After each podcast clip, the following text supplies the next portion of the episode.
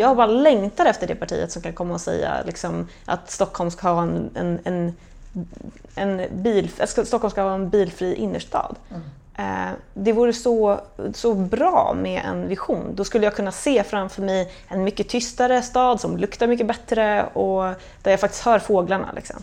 Hej och väldigt välkommen till Klimatpodden och det 54 avsnittet. Här får du möta forskare, aktivister, entreprenörer och alla andra som på olika sätt engagerar sig för att åstadkomma en mer klimatsmart framtid. Dagens gäster är Anna Ljungström och Beatrice Rindevall som är redaktörer för den prisbelönta Supermiljöbloggen. Anna och Beatrice gör ett fantastiskt arbete med att föra ut de mest aktuella nyheterna om miljö och klimat, helt ideellt. Vi träffades hemma hos Beatrice den 28 augusti, bland annat för att prata om deras granskning av de politiska partiernas klimatpolitik och om bristen på visioner. Vi diskuterade också medias roll och hur journalisterna klarar av att skildra klimatkrisen och vilken roll debattörer och så kallade influencers kan spela. Sen blev det förstås mycket prat om arbetet med supermiljöbloggen och så några tips till dig som vill engagera dig också efter valet. Ja, vi hinner ju komma ut precis före valet och förhoppningsvis hinner du också lyssna innan det är dags att gå och rösta i detta så avgörande val för klimatpolitiken. Om vi inte har fattat allvaret nu efter den här sommaren med den extrema värmen, bränderna och torkan, så är väl frågan om vi någonsin kommer att fatta. Som vanligt är du välkommen att höra av dig med synpunkter och förslag på ämnen och gäster. Och kom för all del ihåg att dela med dig av podden till andra som du tror kan vara intresserade. Ett sätt är att betygsätta podden i iTunes så att den hamnar högt upp på topplistorna. Och om du gillar Klimatpodden och vill stötta arbetet så får du väldigt gärna skänka ett valfritt belopp, stort eller litet, till Klimatpoddens eget swishkonto 123 396 2974. Och tusen tack till alla er som valt att stötta podden så här långt. Det är bland annat Anders Eriksson, Olof Källgarn, Sara Lagerfors och Carl Nilver. Tack! Ni gör det möjligt att fortsätta producera Klimatpodden. Men nu är det dags att köra igång dagens avsnitt. Varsågoda!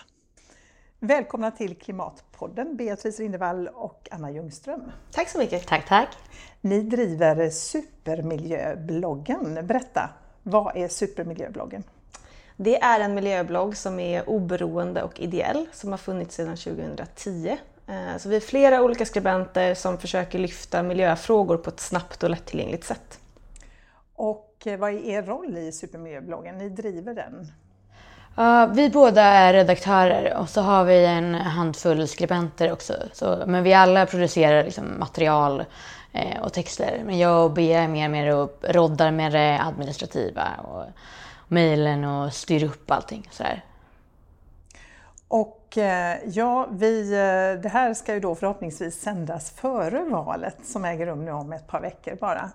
Eh, och ni har ju haft en granskning där av partiernas klimatpolitik. Berätta! Ni la ut precis nu, Moderaterna var det va? Och det var det sista partiet. Exakt. Ja. Um, ja, men vi startade en... Uh, äh, Supermiljöbloggen grundades från första början vid valet 2010 för att vi ville sätta fokus på miljöfrågorna och vi tyckte att de inte fick tillräckligt fokus i, ehm, i media, vanlig media. Ehm, och eh, därför vill vi, vill vi varje val, men speciellt då också under det här valet, eh, lyfta partiernas olika frågor och det som vi kanske inte tycker syns i media generellt. Eh, så därför så startade vi nu en partigranskning. Så vi har lyft alla riksdagspartier och eh, Fi har vi också tagit med i granskningen. Det är en ganska genomgående granskning där vi går igenom deras miljöpolitik på massor av olika plan och ser dels på liksom, vad som är helhetsbilden av politiken, vilka frågor vill de lyfta fram, men också går igenom budget, vad, vad lägger de liksom, sina anslag till, vilka partier vill skära ner på miljöbudgeten så går vi igenom vad de har gjort sedan förra valet, jämför lite med Naturskyddsföreningens och WWFs liknande granskningar eh, och så gör någon form av sammanfattande analys av liksom hur den här miljöpolitiken, är det något som funkar i praktiken eller är det mest snack? Så vi hoppas ju att det kan vara någon form av guidning för läsarna i hur man kan tänka när man ska rösta nu den nionde. För att miljöpolitik kan ju vara, te sig väldigt liksom, komplext och många frågor som man liksom, inte förstår vad mm, CCS är. Eller, eh, då hoppas vi att vi åtminstone kan ge en liten vinkning åt oss. Men är, det, är det bra eller dåligt det här som exempelvis Centerpartiet säger om det? Ja, vi, försöker, vi har både kollat igenom, eller försökt kolla igenom vad partierna själva lyfter men också gå, gå utifrån vissa frågor och kollat vad de... För det, det behöver inte alltid vara samma sak. Partierna vill ju jättegärna lyfta vad det är de tycker att det är deras styrkor men de nämner ju inte de sakerna som de inte har politik inom till exempel. Vad, vad ska ni säga, vad får de för betyg då, partierna generellt? Det ser ju väldigt olika ut förstås. Ja, man kan väl åtminstone säga att det har börjat pratas mer om miljö och framför allt klimat då, efter den här extremt varma sommaren och alla bränder och så vidare. Och nu har det ju eh, seglade det väl upp som något av en toppfråga inför valet tillsammans med invandringen här bara för en vecka sedan som liksom om svenska folket tyckte nu var bland de viktigaste. Och det snappar ju partierna upp direkt. Då vill de ju liksom lyfta de grejerna och, eh, och vinna väljare på det. Så att pratet har absolut funnits där, men fortfarande saknas det ju substans eh, i mycket av det de säger. Men om man ska jämföra med valet 2014 så har väl ändå politiken, liksom, de flesta partierna skärpt till sig och fått eh, betydligt bättre miljöpolitisk agenda än de haft innan. Och beror det, tror ni, på den här varma sommaren då? Att det har blivit eh, så här? Att det har kommit i fokus på ett annat sätt? Alltså, det här att det börjar pratas mer om det är ju på grund av, Eh, mycket på grund av den varma sommaren. Men eh, sen så har de ju utarbetat politiken under längre tid. Så jag tror att det nog ändå har vuxit fram en lite mer medvetenhet hos de flesta partier. Vi ska Eh, vi kanske inte ska nämna alla, men eh, det finns ett antal som fortfarande inte riktigt har hoppat på tåget. Men de flesta har ändå någon form av miljöpolitiska ambitioner, vilket är lovvärt. Även om det fortfarande finns liksom, väldigt lång väg kvar att gå för alla partier innan vi når någon form av liksom, rimlig nivå. Jag skulle säga att det har hållit på mycket längre än, eh, än på grund av den varma sommaren, även om det har blivit lite större i media på grund av den varma sommaren. Men eh, om vi till exempel kollar på Moderaterna så har de sedan Ulf Kristersson pratat mycket mer med miljö och klimat. Eh, och det tror jag bland annat har berott på eh, att de har sett en ekonomisk fördel med att prata om det. De märker att företagarna är jätteinne i det här och funderar också på hur klimatförändringen kommer påverka deras företag och deras verksamhet framöver och liknande. Eh, och att de vet att de även bland företagare ses som väldigt dåliga i miljöpolitiken. Och de har försökt att förbättra det ryktet. Ehm, så det, och sen så tror jag till exempel Centerpartiet har ju hamnat mycket mer ställda mot väggen i fråga om flygskatt på grund av att Malena Ernman och hela, hennes, eh, eller hela det gänget eh, lyfte upp eh, miljöpolitiken kring flyg på ett sätt som alla kunde ta till sig av och det blev en stor debatt om det. Ja, men det är ju bara att titta liksom på vad som har hänt med Alliansen när det gäller miljöfrågorna. Och där har, ju, har man ju tidigare liksom eh, slängt sänkt det åt, åt Centerpartiet. Eh, och de andra partierna har inte haft något problem med att ge det till Annie Lööf. Utan ja, de, de, de får ta det, liksom. det var vårt gröna alibi. Men nu har de ändå börjat fightas lite om det. Och Liberalerna de går ut stort med att de blev utsedda till liksom, det grönaste borgerliga partiet i Naturskyddsföreningens granskning. Så att, nu vill fler och fler ändå vara med och utmana varandra. Mm. Ja, men, eh, jag tänker också på att anledningen till att det har varit så har också berott på Miljöpartiet eh, och Miljöpartiets roll.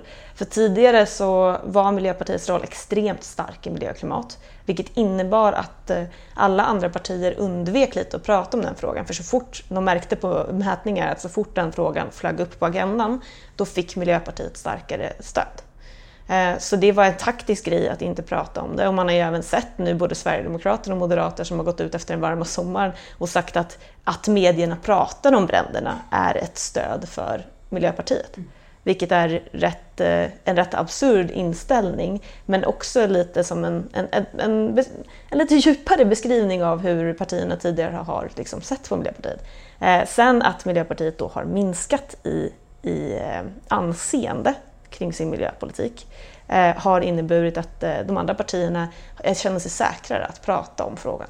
Då blir det ett utrymme för dem. Ja men precis, då kan de forma sin egen politik och, och fortfarande försöka skapa sig trovärdighet i det. Men tror ni Miljöpartiet, för det finns ju ändå mycket som tyder på att de faktiskt ja, i de senaste opinionsmätningarna ändå har gått upp. Och att det väl ändå beror på att det är ett ökat fokus på klimatet, tänker jag. Definitivt, alltså det är exakt så. Och det är det som... Det, det, är, det är fortfarande en sanning. Eh, och sen så har väl Miljöpartiet också eh, gått ut med lite starkare, eh, lite starkare satsningar mm. Eh, samtidigt. Vilket jag tror, den kombinationen har gynnat det partiet. Att både att medierna har helt plötsligt börjat lyfta frågan på ett sätt som de inte har gjort förut och så har de haft den här val, de har redan haft en massa valförslag redo att kunna lägga samtidigt vilket har gjort så att deras trovärdighet har kunnat stärkas. Kan du utropa någon vinnare då? Bland partierna när det gäller miljö och klimatfrågan? Mm, vinnare ska vi väl kanske dra oss för att kalla det. Men vi, vi har inte heller gjort en granskning på det sättet efter så pass... Eh, så det, vi har liksom inte räknat poäng på något vis. Så på så sätt har vi inte någon tydlig vinnare. Men om man ska titta generellt och jämföra med andra granskningar också så är Miljöpartiet och Vänstern och Fi har generellt en lite vassare miljöpolitik. De hamnar högst i de flesta granskningar. Ja. Eh, och sen av de borgerliga partierna så hamnar eh, Liberalerna och eh, Centern högre än de andra partierna.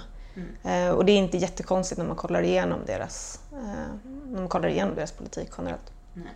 Och sen ska det ju då tilläggas att Liberalerna är fortfarande de som vill skära ner mest på miljöbudgeten.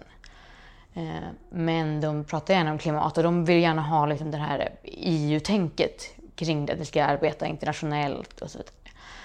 Liber ja, Liberalerna är ett intressant parti, verkligen, utifrån också budget. För de är, bland annat så är ju de inte riktigt för det här bonus-malus-systemet för bilar. Och det är inte för att de inte vill beskatta eh, de dåliga bilarna, utan det är för att de inte vill gynna folk att köpa bilar. Och det är ju jättebra tanke. Ja, liksom. ja. Och det är en generell tanke som, som verkligen alla, alltså alla partier, speciellt vänsterpartierna, då skulle kunna ta till sig av. Eh, för att vad är det man ska gynna egentligen? Då kan man väl säga att det är bättre att gynna elcyklar, än vad det är, eller vanliga cyklar också, än vad det är att gynna liksom elbilar. Mm, mm. Eh, vad är det för samhälle vi är på väg mot? Bonus malus, kan du bara berätta kort, vad innebär det? Nej, men bonus malus innebär precis eh, som jag nämnde att eh, bonus är det de, de eh, de bättre bilarna ska få ett eh, minskad skatt så att det blir billigare och de sämre bilarna ska få höjd skatt så att de blir dyrare. Mm. Och det här är någonting som den rödgröna regeringen har instiftat? Ja, alltså den, det, det, finns ju över hela spektrat. Så även eh, liberala partierna, ja, liberala, borgerliga partierna eh, är ju också generellt sett för bonus malus. Mm. Premier för de, eller supermiljöbilspremie om man vill kalla det det. Eh, vem kommer sämst ut då, när det gäller Sverigedemokraterna. det är så ja, inte så överraskande kanske. Nej, det är verkligen inte överraskande. Alltså, de, ställer, de ställer sig inte bakom Parisavtalet, de ställer sig inte bakom klimatavtalen, de driver inte frågorna generellt. Deras budget är ett skämt. Eh, de, har inte, de svarar inte ens på våra frågor när vi försöker kontakta dem. Nej, och, och, Expressen har liksom kommit kom ut med ett jättebra, det är jätteviktigt, inte jättebra, men jätteviktigt avslöjande om att de låter klimatförnekare styra deras klimatpolitik. Eh, de kallar ju de andra, de säger att det är inte vi som är klimatskeptiker utan det är de andra partierna som är klimatalarmister. Mm. De säger okay. det på riktigt, i sin budget så skriver mm. de så. Liksom. Eh, så att eh, det, det, är ju en intressant hållning till till miljöpolitiken och klimatpolitiken. De säger ju att de tror på, på något sätt, eh, generellt sett, på klimathotet och klimat, att man behöver någon typ av klimatpolitik. Men de säger att det ska vara, att man ska göra det utanför Sveriges gränser. Men samtidigt så ser man inte de satsningarna i budgeten, så det är ju bara retorik. Mm. Mm.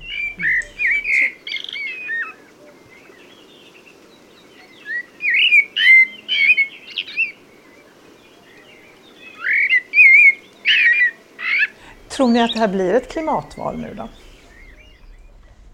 Det blir ju i alla fall det i en betydligt större utsträckning än vad man kanske trodde i början av det här året.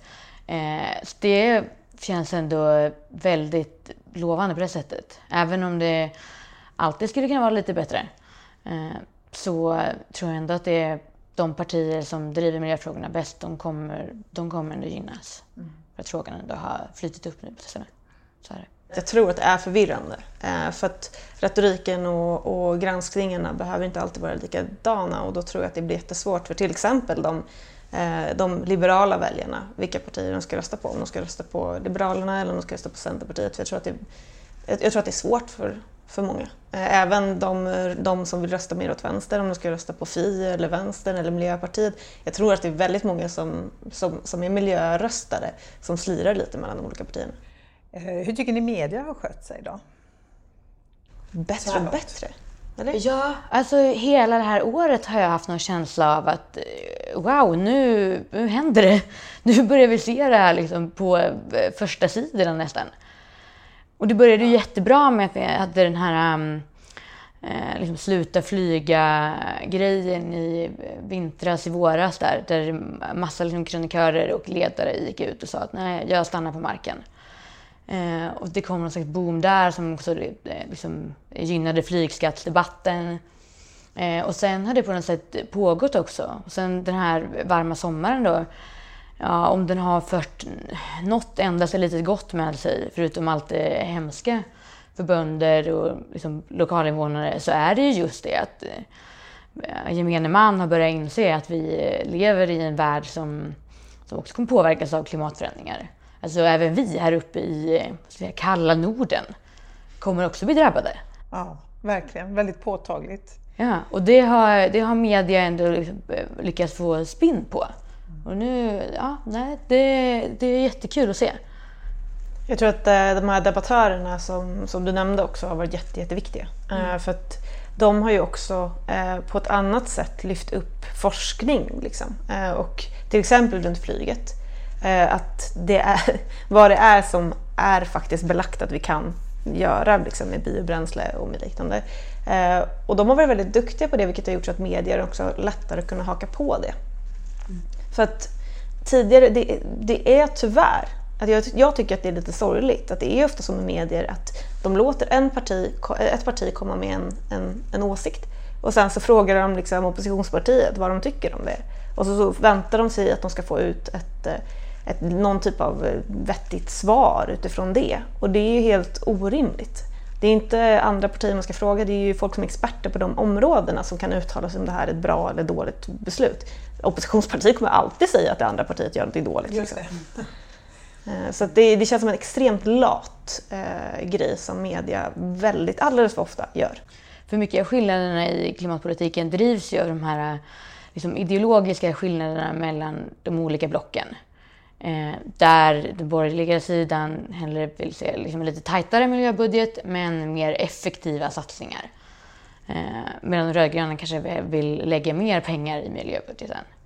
Och där, men det, det, är ju så, det är ju den skillnaden som finns mellan blocken. Det ger ju inte så mycket som BSI att bara, bara lyfta fram det, för det vet vi om att de kommer tycka olika kring det. Men däremot vore det ju väldigt intressant att höra en klimatforskare kommentera det här nya förslaget från Parti X. Det hade varit mycket bättre. Mm. Mm. Mm. Men det gör man väldigt, väldigt sällan då? Ja, det tycker jag. Alldeles för sällan. Ja. Jag tycker nästan att det är de eh, ledarskribenterna och, eh, och, och experterna själva som har varit mycket duktigare på att försöka lyfta fram vad som är fakta och vad som inte är. Det är väldigt få av journalisterna och journalistiken som, har, som bedriver en sån linje. Liksom. Men är det dålig kunskap bland journalisterna, tänker jag, tror ni, när det gäller de här frågorna? I de här frågorna, ja. ja. Alltså, det, det, ja. ja men jag tänkte, bara det här, jag granskade ju, eller vår granskning av Moderaterna kom ju ut i, idag. Eh, och eh, eh, jag har även varit, nej just det, det var inte, förlåt, det var inte Moderaterna, det är Centerpartiet som jag tänker på. För att, eh, Annie Lööf blev ju utfrågad för en vecka sedan, eh, mindre, några dagar sedan.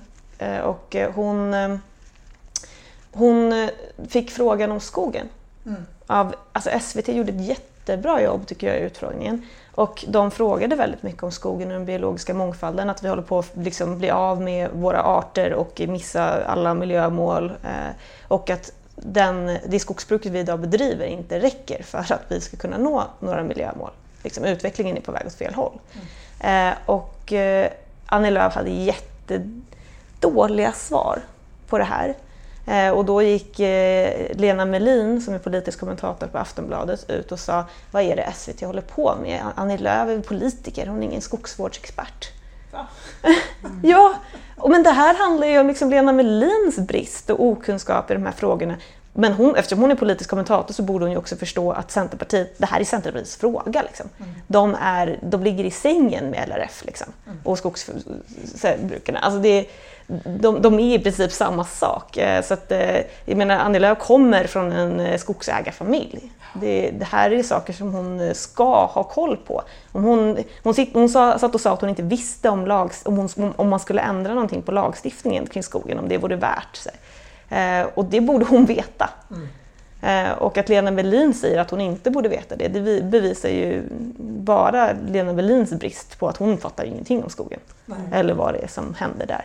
Ja. Och det är ju toppengrej att SVT där ändå kan plocka upp liksom Lööfs svar och komma med vettiga följdfrågor på det. Precis, alltså, det är det som är viktigt. Det handlar inte bara om att ställa frågorna utan att kunna värdera svaren också. Exakt, och det är väl det som kanske har saknats tidigare. Att man kanske har läst in sig på någon liten grej och så kan man ställa en fråga men sen så kan man inte liksom känna in, ja, men vad betyder det här svaret i praktiken? Då? Mm.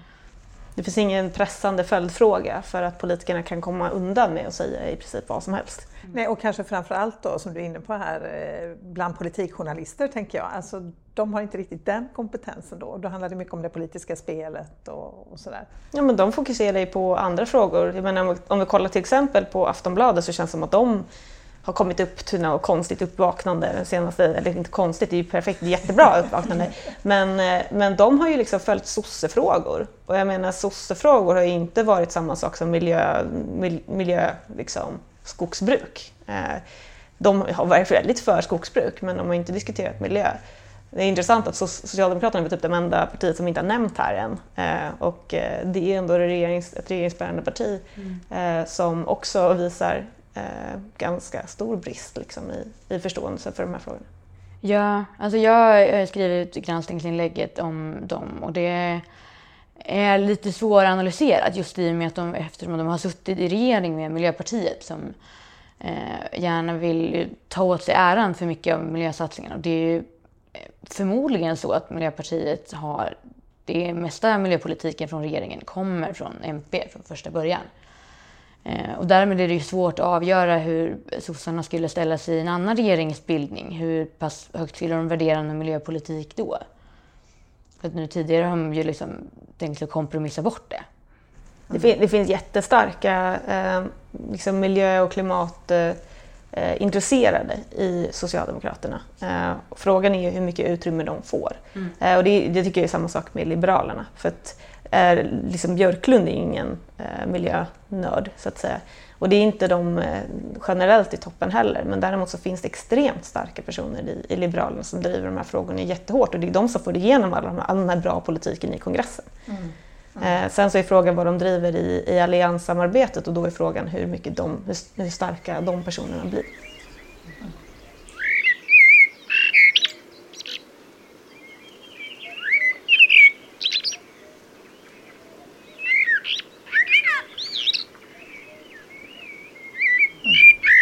När jag lyssnar på er nu så låter det ändå som att ni har en del hopp. Ni tycker att det är bra. Frågan är på agendan och den tas upp då av media, av politikerna och sådär. Men um, alltså, tror ni att det är nu det vänder? Eller krävs det ännu mer? Alltså krävs det ännu fler, vad ska jag säga, eh, alltså, klimat, alltså att, effekt, att vi ser ännu fler effekter av klimatförändringarna än vi har gjort nu som har blivit väldigt påtagligt då även för oss här då i det här landet den här sommaren. Eh, eller hur, hur ser ni på det?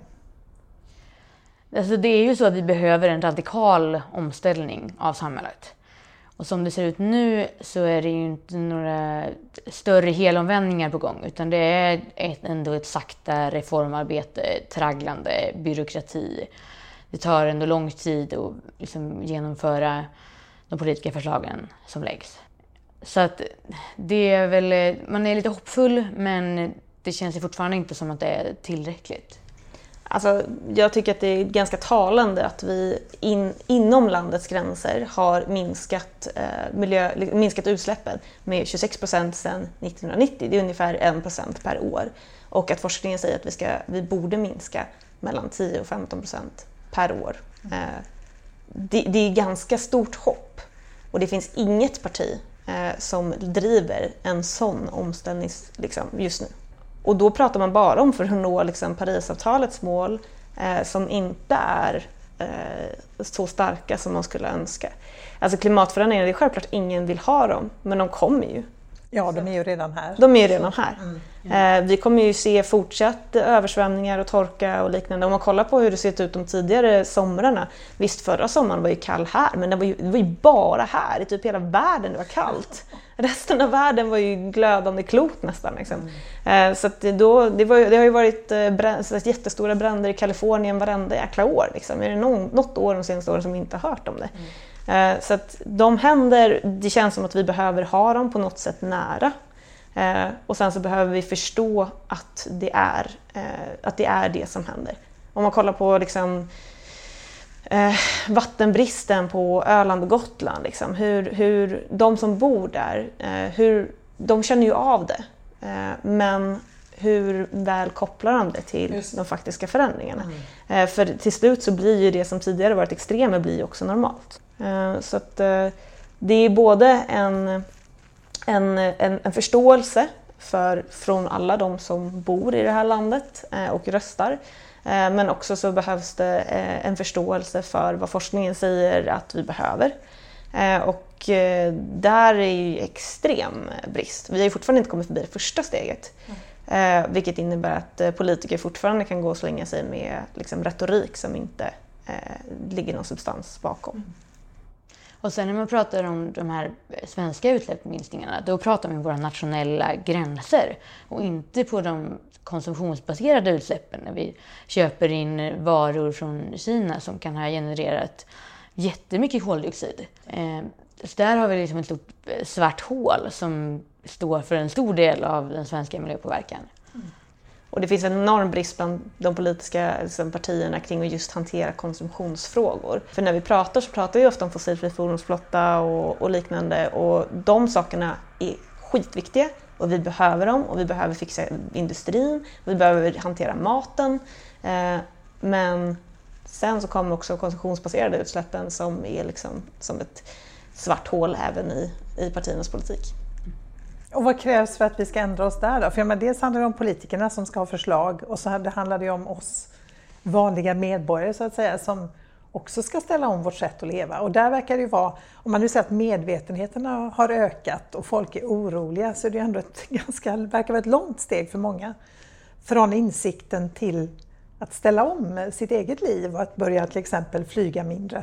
Nej men eh, alltså många pratar om det och många är oroliga men, men sen verkligen i praktiken ställa in den där charterresan eller helgresan till Paris eller börja köpa mindre prylar så verkar steget vara väldigt långt. Jag undrar egentligen vad som krävs. Krävs det ännu mer? Någon sa att nej, det krävs att det blir tomt på hyllorna i våra butiker innan vi fattar. Mm. Det vet jag inte. Jag tycker att eh, till exempel att eh, köttkonsumtionen minskade eh, med trendbrott. Det var inte så mycket, det var 2% men den gjorde ändå det Från senaste mätningen. Det, var, det, har varit stort och det har berott på vegotrenden. Liksom. Det har berott på att folk har förstått mer och kopplat köttet till klimatet på ett annat sätt och, och även till djurhälsa såklart. Men, men det hade inte kommit utan att, utan att människor själva hade gjort någonting. Nej. För där har det inte varit direkt några politiska beslut som ligger bakom. Nej. Så det har varit jätte, jätteviktigt. Jag tror att det finns en, en alldeles ny förståelse och vilja kring att resa hållbart också. Eh, så jag har absolut eh, förtroende för individen, om man ska prata så, att den kan göra bra... Att vi har makt? Ja, men precis. Alltså att vi kan göra smarta beslut. Problemet är också att det är en så himla stor och olöst generell fråga i samhället kring ansvarsfördelningen. Eh, folk tror ju typ att individen inte behöver ta ansvar för att det är politikerna som ska ha ansvar och politikerna tycker att det är liksom, Eh, information och eget val, alltså då, så bollar de tillbaka det på individerna. Och, det är ett jäkla, och liksom, företagen är typ helt oberörda av det här, eh, förutom de, de små politiska liksom, besluten som kommer. Eh, så att det blir, en, eh, det blir ett väldigt bollande. Liksom. Eh, och jag tror att det är jättesvårt för en individ att då i, sån, i en sån debatt ta eget ansvar av sig själv. Liksom. För de förväntar sig, vi förväntar oss i en demokrati och att vi i en stat som vi litar på att, eh, att de, staten ska lösa så att vi liksom inte hamnar i en dålig situation. Mm, och ta sitt ansvar helt enkelt. Ja, men precis. Jag tänker att vi måste jobba med både piska och morot för att driva fram någon förändring i det här. Och sen så tänker jag också att det är viktigt att ha bra förebilder i det. Alltså nu som man tar upp eh, exemplet med jag stannar på marken, hashtaggen här igen och de här stora debattörerna som bestämde sig för att sluta flyga, eller alla fall flyga väldigt mycket mindre. Eh, att det ändå fick en stor effekt och vi har den här eh, det finns fantastiska Facebookgrupper nu som är hur stora som helst, typ tågsemester. Och eh, jag väljer att inte flyga för klimatets skull. Eh, som ger så mycket pepp och engagemang och där man liksom blir inspirerad av andra. Eh, och det, det tycker jag ger jättemycket. Jag tycker också man ser skillnad i eh, vad ska jag kalla det, eh, influencersfären har det börjat hända någonting också. Eh, för där snackar vi liksom om eh, stora bloggare eller vloggare eller vad det kan vara som typ lever på att bara resa till olika ställen runt om i världen och ta snygga bilder framför någon eh, palm och så här turkost hav och grejer. Och sen så nästa vecka så har de rest till nästa, nästa plats och så fortsätter det så. Eh, och det är liksom eh, någonting helt ohållbart som inte tidigare uppmärksammats. Men nu har fler och fler aktörer inom den branschen också börjat vända sig mot det och kanske säga ja, men jag, i, i år så väljer vi att semestra hemma istället. Eh, och de är superviktiga. De når ut till jättemånga unga, unga väljare, unga tjejer, killar också för den delen. Mm. Eh, och fungerar som förebilder. Så jag, jag tror verkligen på den kraften som kan finnas hos någon, någon som inspirerar en. Mm. Och någon som faktiskt tar ansvar och visar andra att det går att göra. Att det går, ja. ja. Det är inte så krångligt. Nej, men alltså jag, jag, vet inte hur mycket liksom alla de åren som jag har lagt ner på att skriva och informera och bla bla bla i, i, i mitt jobb och, och fritid. Eh, men jag vet att när jag blev vegetarian då blev liksom fem personer till runt omkring mig det. Och det var, ju jätte, det var som en liksom svallvåg av att jag blev det. Mm. Det var inte så mycket annat som påverkade. Liksom. Mm. Och jag tycker inte att man ska förminska den rollen.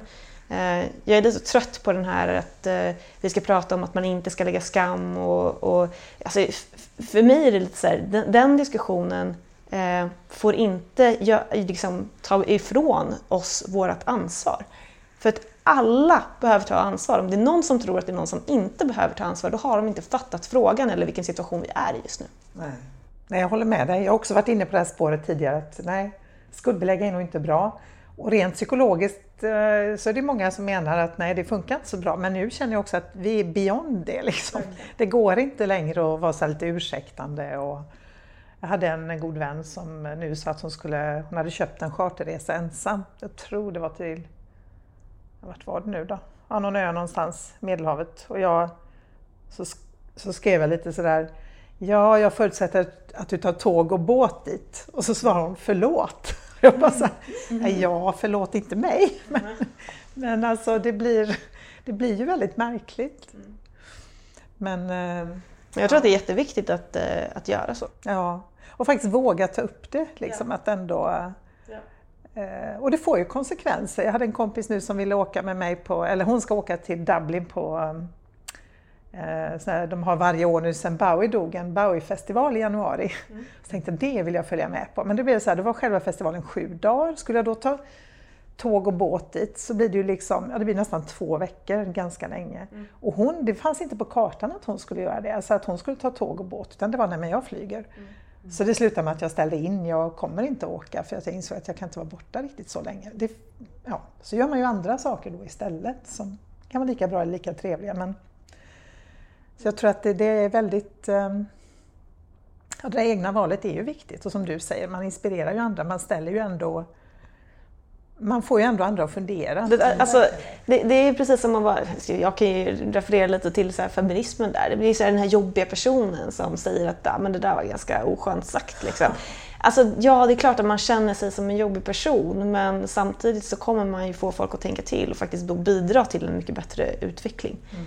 Eh, så det är ju bara skitbra att du gör det. Mm. Det är ju så att vissa flygresor kommer man ju ha jättesvårt för att undvika. Så är det Alltså så är det. Men det betyder ju inte att man ska kunna flyga exakt hur man vill och ta liksom chartersemester till London varje vecka. Nej, liksom. som någon sa, okynnesflygandet kan vi i alla fall sluta Ja, men exakt. Det här som är onödigt helt enkelt. Exakt. Man må, alltså, svenska folket måste ju förstå att det finns en gråzon. Liksom. Ja, ja, det behöver inte vara antingen eller. Nej. Liksom. Nej, alltså det kommer ju inte kunna vara antingen eller. Det är väl klart så här, alltså, till exempel om man är liksom klimatminister för ett land eller liknande, eh, ta det som ett konstigt exempel nu, eh, så, så är det väl klart att det är väl helt rimligt att man behöver flyga runt när man jobbar på UD eller Sida. Liksom. Eh, sen så ska man ju inte göra några onödiga resor där heller. Eh, det, liksom att någon gör det innebär ju inte att man ska göra det dåligt, alltså så här, onödiga, nej, dåliga. Eh, sen så finns det vissa resor som kommer behöva göras och det är det är tyvärr så, men då måste vi spara vår lilla koldioxid som vi faktiskt kan släppa ut på just de resorna och inte på liksom, den här slentrianresan till Thailand för att man vill ha sol. Liksom. Nej. Nej. Nej, men så all in all så är det ju det att vi måste, vara, måste våga vara obekväma, som ni säger. Att, vi, att våga säga till folk som kanske inte gör de bästa valen för planeten alla gånger. Och visa på lite action, att vi faktiskt, ja men det går att göra. Ja, kolla på mig. Jag fixar det här, då kan du också göra det. Det är inte så svårt. Och att det inte bara blir ord, för det är det jag menar. Efter den här sommaren kan det lätt bli så att folk blir oroliga, tycker det är jättehemskt, klimatfrågan är viktig. Men sen då, från ord till handling? Ja, jag menar information är superbra och jätteviktigt. Jag menar, det är ju det vi jobbar med. Men att få lite verkstad i det, är ännu viktigare. Mm. Men jag tänkte på en sak apropå eh, politikerna då, och det är ju det här med politiska visioner. Det känns ju verkligen som att det saknas politiska visioner om hur det här omställda samhället ska se ut. Jag, jag tycker att det ofta blir det blir liksom på någon sorts märklig detaljnivå där man diskuterar. Vi hade nu i förra veckan en klimatdebatt i Göteborg med de lokala partierna som arrangerades av Naturskyddsföreningen. Och det var ett jättebra initiativ men debatten hamnar väldigt lätt på de här liksom, ja men vi ska ordna fler cykelparkeringar, vi ska ja, göra det lättare att sopsortera. Men det här stora övergripande känns som att politikerna gärna undviker för att det är så stort. Har, har ni sett de här politiska visionerna någonstans nu när ni har eh, tittat på partierna lite närmare? Jag skulle säga att den, eh, det är, jag tror att det är så också mycket på grund av att man saknar stora politiska beslut och då blir det så att man pratar om lite så små, små saker på grund av att det inte finns någon som säger eh, liksom att det ska ja, men, okej, nu har ju faktiskt MP precis gått ut med ett förslag om eh, att vi inte ska sälja några, liksom, att, att fossilbilar är slut efter 2030. Det är en vision. Mm. Och den är viktig. Eh, alltså sådana visioner är viktiga. Sån, sån, som, som, man, som man kan påstå är radikal klimatpolitik fast inte liksom, enligt forskningen skulle vara så radikal eh, klimatpolitik. Um, den är jätte, jätteviktig för att kunna också ta upp ett samhälle, liksom, diskutera en, en vision om ett samhälle. Jag bara längtar efter det partiet som kan komma och säga liksom, att Stockholm ska ha en, en, en, en bil, Stockholm ska ha en bilfri innerstad. Mm. Eh, det vore så, så bra med en vision. Då skulle jag kunna se framför mig en mycket tystare stad som luktar mycket bättre och där jag faktiskt hör fåglarna. Liksom. Mm. Det, alltså, sådana saker tror jag behövs, men då behöver man ju också ha ganska stora, eh, be, stora konkreta beslut som eh, också gör så att man ser förändringen när man tänker på den liksom, mm. visionen. Det är ju en korrekt analys att det är stort sett som saknas, den här visionära biten i politiken. Men det handlar ju också om att partierna vet att de vinner på att de här mer liksom kortsiktiga frågorna som går snabbare att genomföra. För liksom, kommer folk ihåg vem var det som drev det här? Men mycket av de miljöpolitiska åtgärderna vi behöver kanske inte ger någon effekt direkt som de införs. Det, det, det tar liksom 5-10 år innan vi faktiskt ser att de här, ja, koldioxidminskningar har skett på grund av det. Mm. Eh, och det gör det lite svårare att just satsa på de områdena. Jo, det är klart.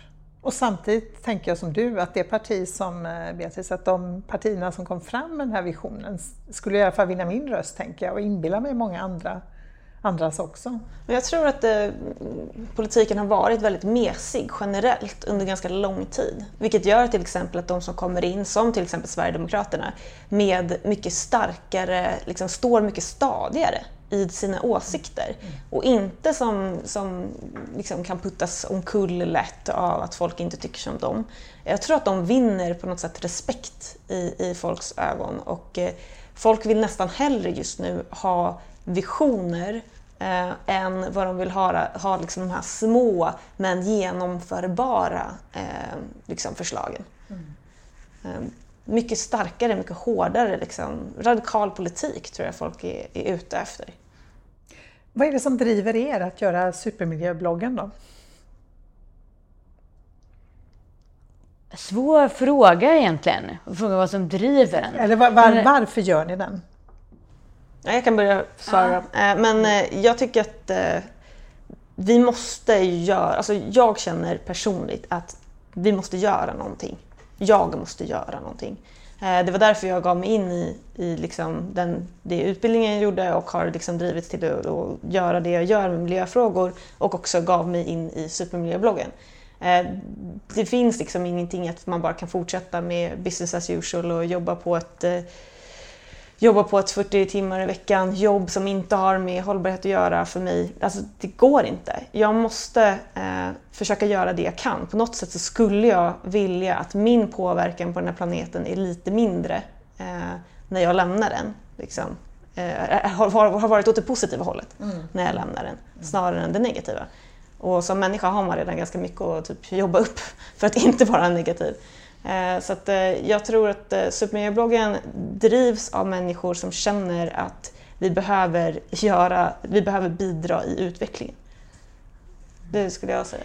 Ja, men, jag håller med om det. Att ur liksom en självisk aspekt för mig så är det ett, ett driv och en känsla som är att okay, men om ingen annan gör någonting så måste jag åtminstone försöka göra det för att lindra någon form av eh, stress eller klimatångest eller vad man skulle kunna kalla det. Att det, det känns bättre att eh, åtminstone försöka förändra någonting lite grann. Mm. Och då så är det så himla fantastiskt att vi har, får ha den här plattformen, att vi får ha Supermiljöbloggen där vi når tusentals läsare varje dag.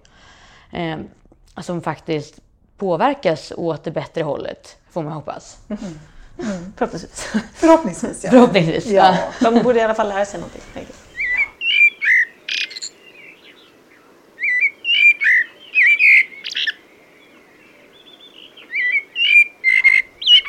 Berätta lite om er bakgrund, alltså hur hamnar ni i det här sammanhanget med supermiljöbloggen? För det har vi inte pratat om ännu. Mm. Jag tror att mitt miljöengagemang när jag från första början liksom omsatte någonting i handling. Eh, det var nog först under början på gymnasiet. Sen har jag vuxit upp i en familj där vi alltid varit extremt mycket ute i naturen. Eh, en pappa som var naturfotograf. Och så det har liksom fått med sig i ryggmärgen att det, det är någonting vi ska vårda och det vi har talat om det hemma. Eh, så sen i början på mm, eh, gymnasiet där, kanske gick i ettan, tvåan, Eh, så fick jag bara för mig att det här med att, men varför ha, äter vi liksom alltid kött i skollunchen? Hade vi liksom hört talas någonstans om att det här är Meat Free Monday, det var, det var en grej man hade. Eh, så då så skickade jag in någon form av medborgarförslag det i min gamla hemkommun Härnösand. Eh, som sen eh, gick igenom och blev en stor grej kring det. För så här, jag fick eh, prata i lokal-tv och tidningen intervjuade. Och jag, alltså lilla 16-åriga jag hade ju absolut inte tänkt mig någon sån grej av det. Men tyckte det var så kul att få den responsen och insåg att ja, det här med att ja, typ debattera, skriva, eh, jag tyckte det var väldigt roligt. Och att jag också då såg effekten av det, att mina klasskompisar då, ja men de provade ju kanske den där vegetariska biffen som de kanske inte hade tagit innan när det fanns ett köttalternativ. Eh, så då kände jag, ja, det här måste jag göra någonting mer av. Mm. och så gick det några år däremellan, kanske det var, ja men 2014, så hade jag läst Supermiljöbloggen ett tag. Eh, och kände, ja men det här verkar ju vara eh, gött gäng liksom. Det vore kul att få vara med här. så då skickade jag in någon form av ansökan. Och sen, ja, sen är det sen dess. Varit skribent till 2014 och redaktör sen årsskiftet. Mm. Jag kommer ihåg Annas ansökan för det var så himla bra. Det var bara såhär, gud, alltså en så ung, driven människa som eh, också skriver så sjukt bra. Eh, så att eh, hon var så här klockren Ni fångade upp henne direkt? Ja, ja gud ja. Hon, hon var självklar i, i diskussionerna direkt. Jag har ju varit med lite längre, så jag, jag kom med i början av 2012. Eh, och jag, kom med, jag, var, jag praktiserade i Vietnam då. Ehm, pluggade human ekologi och globala studier eh, och gjorde min praktik på en organisation i Vietnam som jobbade med, med miljöfrågor eh, men också så feminism, genusfrågor och, eh, och återvinning och sådana där saker. Jag jobbade med, längs med kustområdet i Vietnam, vilket är ungefär hela Vietnam, för det är typ bara en kust. Ja, så jag var där och då så reflekterade jag jättemycket när jag var där över skillnaderna mellan Vietnam och Sverige. För att eh, det var ju alltså sjukt mycket luftföroreningar i Hanoi som jag var i. Eh, och eh, man såg alltså de här vattendragen liksom som, som är i stan var ju bara nersölade av plastpåsar och vatten var blått. Jag fattar inte riktigt. Det måste, vara, alltså det måste ju varit någon typ av färgfabrik typ i närheten eller något som bara släppte ut skiten. Alltså, jag tänkte ganska mycket på hur bristande liksom, miljö eh, hur bristande miljöpolitiken, om man ska vara så, har varit där. Samtidigt som de också är, eh, släpper ut så sjukt mycket mindre mm. än vad vi i Sverige gör. Och ja, vi kanske har eh, lite renare liksom, vattendrag eh, men, och kanske lite duktiga på att plocka upp skräp och liknande. Men vi har fortfarande mycket större negativ påverkan på miljön mm. än vad en vietnames har. Eh, så så jag funderade ganska mycket över det där och funderade på om jag skulle skriva en krönika. Så jag hörde av mig till min vän, som, eller bekanta som var då, som eh, jobbade, på, eller jobbade med Supermiljöbloggen eh, och frågade om inte jag kunde få skriva en krönika kring det här. Och hon sa ah, vi brukar inte ta in krönikor men, men vi ska snart göra en drive liksom, och försöka hitta nya skribenter så stay tuned. Typ. Så, så fort de gick ut med det så uppmanade de mig att, att söka. Så då gjorde jag det och blev blev skribent. Men innan det så jobbade jag med, eller jag pluggade ju då tre år, eh, men innan det så jobbade jag med liksom, alltså inom bar, inom media, inom skola. Ehm, och jag hade alltid, eh, liksom, hade alltid ett miljöintresse.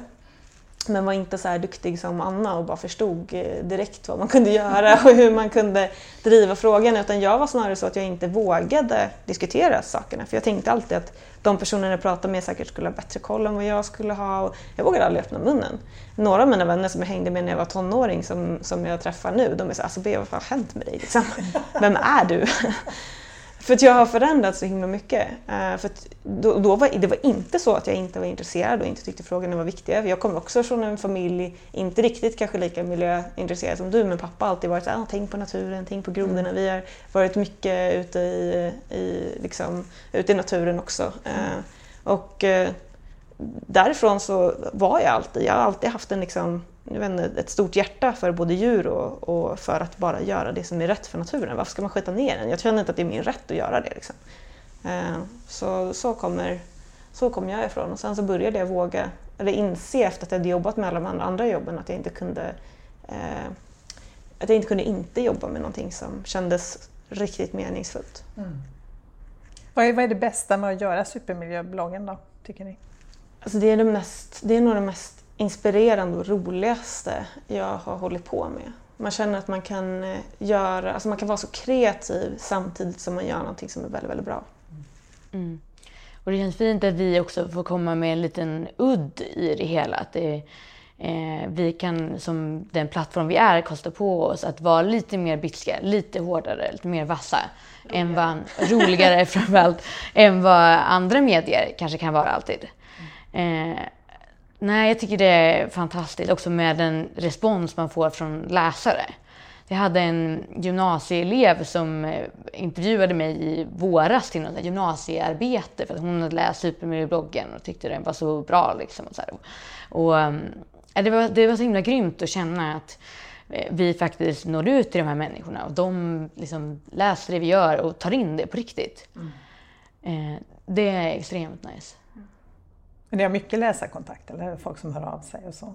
Ja, dels har vi liksom kommentarsfält på Facebook och sen så många som skriver på mejl eller kommer med nyhetstips och allting. Mycket som vi inte har eh, tid och utrymme till att hinna följa upp men det betyder väldigt mycket att folk eh, försöker göra sin lilla grej genom att ändå liksom sprida kunskapen vidare till oss och hoppas vi ska skriva om det. Mm. Ja, jag skäms för att vi inte alltid har tid att svara på allting för vi får ganska mycket sådana. Eh, men, eh, men det är inte för att vi inte vill, vill utan det är för att det är ideellt mm. Eh, och för att det är någonting som vi gör på vår fritid och då måste man verkligen fokusera den lilla tiden man har på det som är det absolut liksom, mest kritiska just då. Mm. Och då kan det ibland vara så att sådana saker slinker, slinker förbi trots att det är väldigt viktigt. Mm. Ni driver den ideellt, finns det planer på att liksom, den ska bli ekonomiskt hållbar också? Alltså finansierad på något sätt? ja, det gör det. Mm. Vi, vi har, just nu så har vi ett swishnummer ja. eh, som jag ska ha ett möte med en person eh, som kanske ska hjälpa oss med ekonomin för jag vill inte att vi ska börja ta in pengar utan att vi har någon som har koll på hur, hur, det, ska hur det ska gå till och att vi inte gör någonting dumt mot Skatteverket eller någonting så här, sådana frågor som jag inte alls har bra koll på. Eh, så att eh, jag ehm, jag tror att det finns en chans att vi kommer få ihop det snart. Så att vi i alla fall, och då är förhoppningen att folk kan swisha så att vi i alla fall har, inte går back, vilket Nej, vi har gjort varje, varje liksom år. Eftersom vi fortfarande betalar serverkostnader och vi betalar ju våra reportageresor själva och ja. liknande. Sånt vi gör. Men så fort det kommer ett swishnummer så lovar jag att hjälpa till och ja, tala om att det, det finns då. Det vore så fint. Eh, vad tänkte jag på, vad gör ni när ni inte gör, för ni gör detta ideellt, eh, så vad gör ni när ni inte gör supermiljöbloggen då? Jag studerar samhällsplanering på Uppsala universitet eh, och har ett år kvar drygt. Mm. Gud, jag tänkte svara som en dejtfråga. Så här, jag brukar träna, gå promenader. Eh, nej, men eh, jag jobbar med miljökommunikation i, i eget företag. Mm. Eh, så det är samma personer som jag outsourcar, alltså hanterar mitt företag som jag tänker ska hantera supermiljöbloggens swishnummer. Eh, men eh, det, jag gör allting från skriver opinionsartiklar och journalistiska texter till att moderera och föreläsa och liknande. Mm.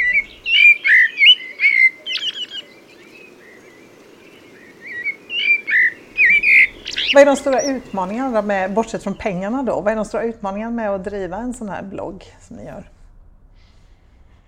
Eh, att fortsätta vara relevanta i ett förändrat medielandskap. För det går ju väldigt snabbt. Och det, vi märker ju direkt så fort Facebook eller något annat medie ändrar sina algoritmer så syns det i läsarantal och vilka interaktioner man får. Det är ju absolut en utmaning att se vad är det som läsarna vill ha näst och hur kan vi möta det? Ja, eh, och sen så självklart tid. Det har väl också kanske med pengar att göra men inte bara eftersom det, det skulle vara en ganska radikal vision att eh, tänka att vi alla skulle kunna bli anställda. Men eh, så, så, tid generellt sett är väl det som är den största bristen mm. eh, för oss. Mm.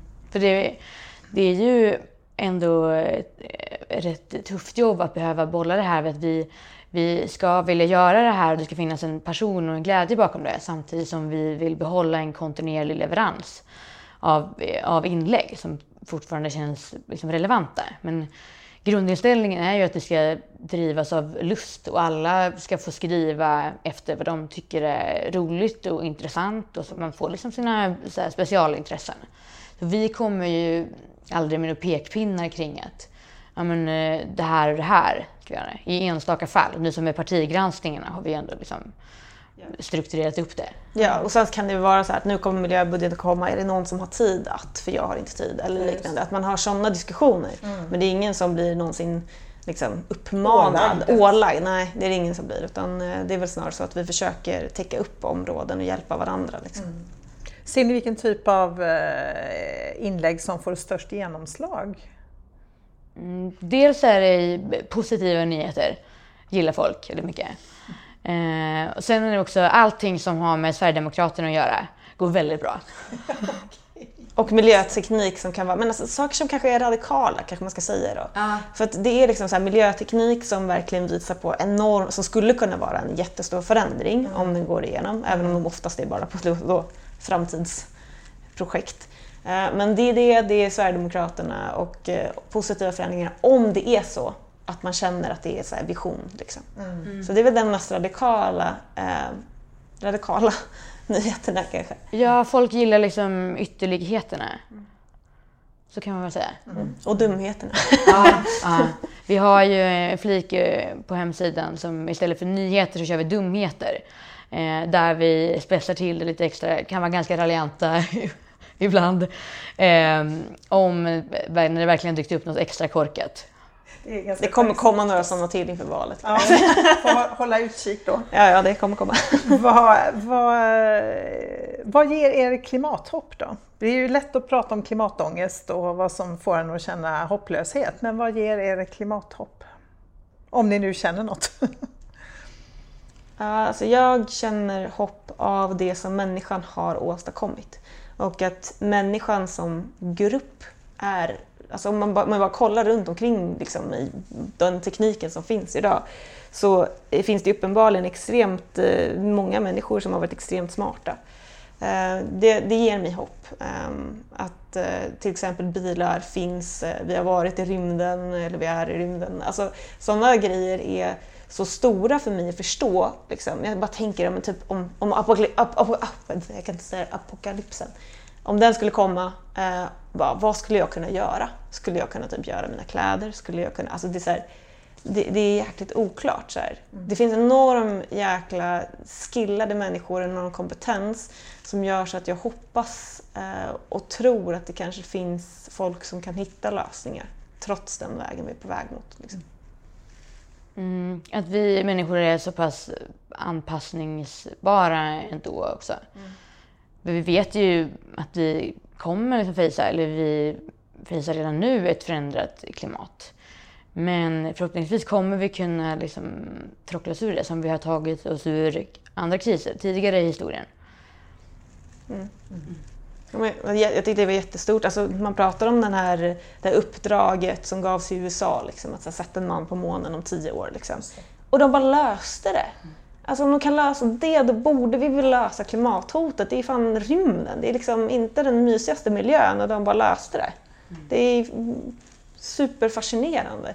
Då borde vi väl kunna, alltså egentligen det vi pratar om nu är ju egentligen bara lite livsstilsförändringar. Det är inte så att vi kräver förbränning av fossila bränslen för att överleva. Det gör vi inte. Nej. Så det, hur svårt kan det vara? Så liksom? hur svårt kan det vara? Alltså, det är egentligen så känner jag och då tänker jag att om vi klarade det absolut omöjliga, att få ut folk i, i rymden och ta tillbaka dem om de överlevde, då borde vi väl fan klara det. Ja men exakt. Och sen när man ser på eh, faktisk politik och vad som händer så kan det vara lätt att, att glömma att vi faktiskt har en del väldigt starka överenskommelser. Att vi har ett Parisavtal, det är hur fett som helst att vi har lyckats få alla världens länder, utom USA då, att enas kring det här. Det, det är jättestort. Alltså man får inte, man får liksom inte ta ner den symbolvärde som finns i det. Likaså att vi i Sverige nu har en klimatlag som förbinder alla regeringar framöver att verkligen ha liksom en stabil klimatpolitik. Det är hur viktigt som helst och verkligen någonting som man kan sätta hopp till. Även om det inte, inte kommer räcka så är det ändå bra grund. Mm. Alltså ord går inte, men nu har vi en ganska, eller går, det räcker inte av sig själva, men nu har vi en ganska bra grund för att kunna följa upp. Vi har mål, vi har uppföljningspotential. Det enda som vi behöver göra är att hålla fast i frågan och inte liksom, eh, bli distraherade av andra frågor. Eh, och faktiskt lägga det som krävs och göra det så fort som möjligt. Liksom. Till sist undrar jag, vad har ni för eh, tips till den nu, eller råd till den som känner sig vilsen nu inför valet då, den 9 september och som ändå vill rösta på ett klimatsmart sätt eller som gynnar Ja, men läs vår granskning eller? Ja, gud ja. Gör din research. Eh, kolla igenom allting grundligt. Verkligen. Jag tror, det finns ju många olika partigranskningar som man kan göra på nätet och jag tror att de flesta, det, det som är problemet eller något... Du tänker valkompasserna? Ja, men ah. precis. Um, och det som är problemet med dem lite är för att de flesta människor kanske inte är jätteengagerade i de flesta frågorna som dyker upp i de kompasserna. Nej, just det. Uh, vilket innebär att uh, det kanske inte är så rättvisande bilder som man får alltid. Uh, utan snarare så tänker jag att man ska fundera över vilka frågor som är de viktigaste för en. Eh, om man lyssnar på den här podden så tänker jag till exempel att klimat och miljö är väldigt viktiga. Mm. Och då tänker jag att det är inte jättemycket att till exempel gå in och läsa de granskningar som eh, Naturskyddsföreningen har gjort, WWF har gjort eller, eller som vi har gjort. Eh, vi kommer komma med sammanfattningar innan eh, det här, eh, den här podden släpps. Mm. Så det kommer också finnas sammanfattningar eh, att, att kolla på. Eh, och fundera över vilka som är de viktigaste frågorna, ta reda på liksom, de partierna som man är intresserad av, liksom, vad de tycker inom det. Mm. Och om det är så att man är helt jäkla lost, så här, det, det, man kan absolut dra iväg en fråga till oss och så kan vi kolla på om vi har möjlighet att svara. Så, och, och vi kommer ju försöka lyfta vissa specifika frågor också inför valet. Mm. Specifika sakfrågor. Kan du ge något exempel? På någon vi, kommer lyfta, ja, vi kommer lyfta flyget mm. bland annat. Mm. Så de andra, vi, vi håller på att diskutera fortfarande så vi har inte satt ner foten helt men flyget vet vi att vi kommer lyfta eh, inför valet. Mm. Mm. Nej men precis, släng iväg eh, mejl till oss, fråga oss, det går jättebra. Eh, och sen prata med människor runt omkring också för att liksom få andra igång på miljöfrågorna också. Så sprid dina tankar kring det till andra runt omkring. Och sen eh, om man fortfarande känner efter valet att man har någon form av engagemang kvar så... Förhoppningsvis. ja, ja, precis. Det kanske har runnit ut, är helt dränerad på energi. Men då omsätt det i handling på något sätt. Som engagerar dig i något parti eller eh, börja en, jobba med en organisation. Ah, skicka in debattartiklar till oss. Mm. Vad som helst. Mm. Ja, absolut. Jag tänker också att det som, som, jag, som jag tänkte tidigare också, att så här, det som alltid flyger under radarn det är liksom företag och företags, eh, eh, företags ansvar. Eh, och det är någonting som man absolut kan, eh, kan kolla närmare på själv.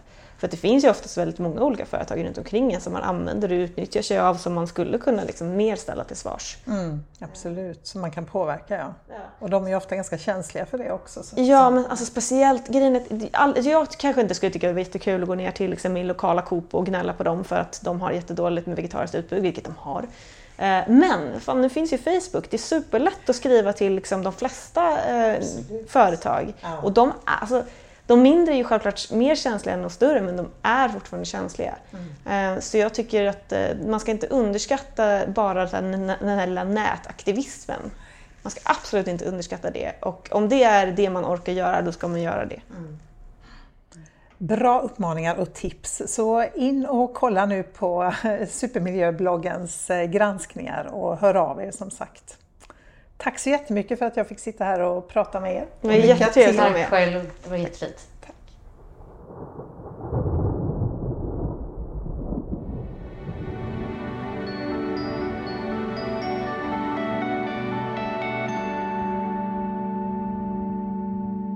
Du har lyssnat på Klimatpodden som produceras av Konvoj Produktion. Gäst i dagens avsnitt var Anna Ljungström och Beatrice Rindevall från Supermiljöbloggen. Du hittar mer information om Klimatpodden och dagens avsnitt på hemsidan klimatpodden.se. Klimatpodden finns på alla ställen där poddar finns och du kan följa podden på Twitter och Facebook. Signaturmelodin är skapad av Tommy Kaså och loggan till Klimatpodden är gjord av Hannes Larsson.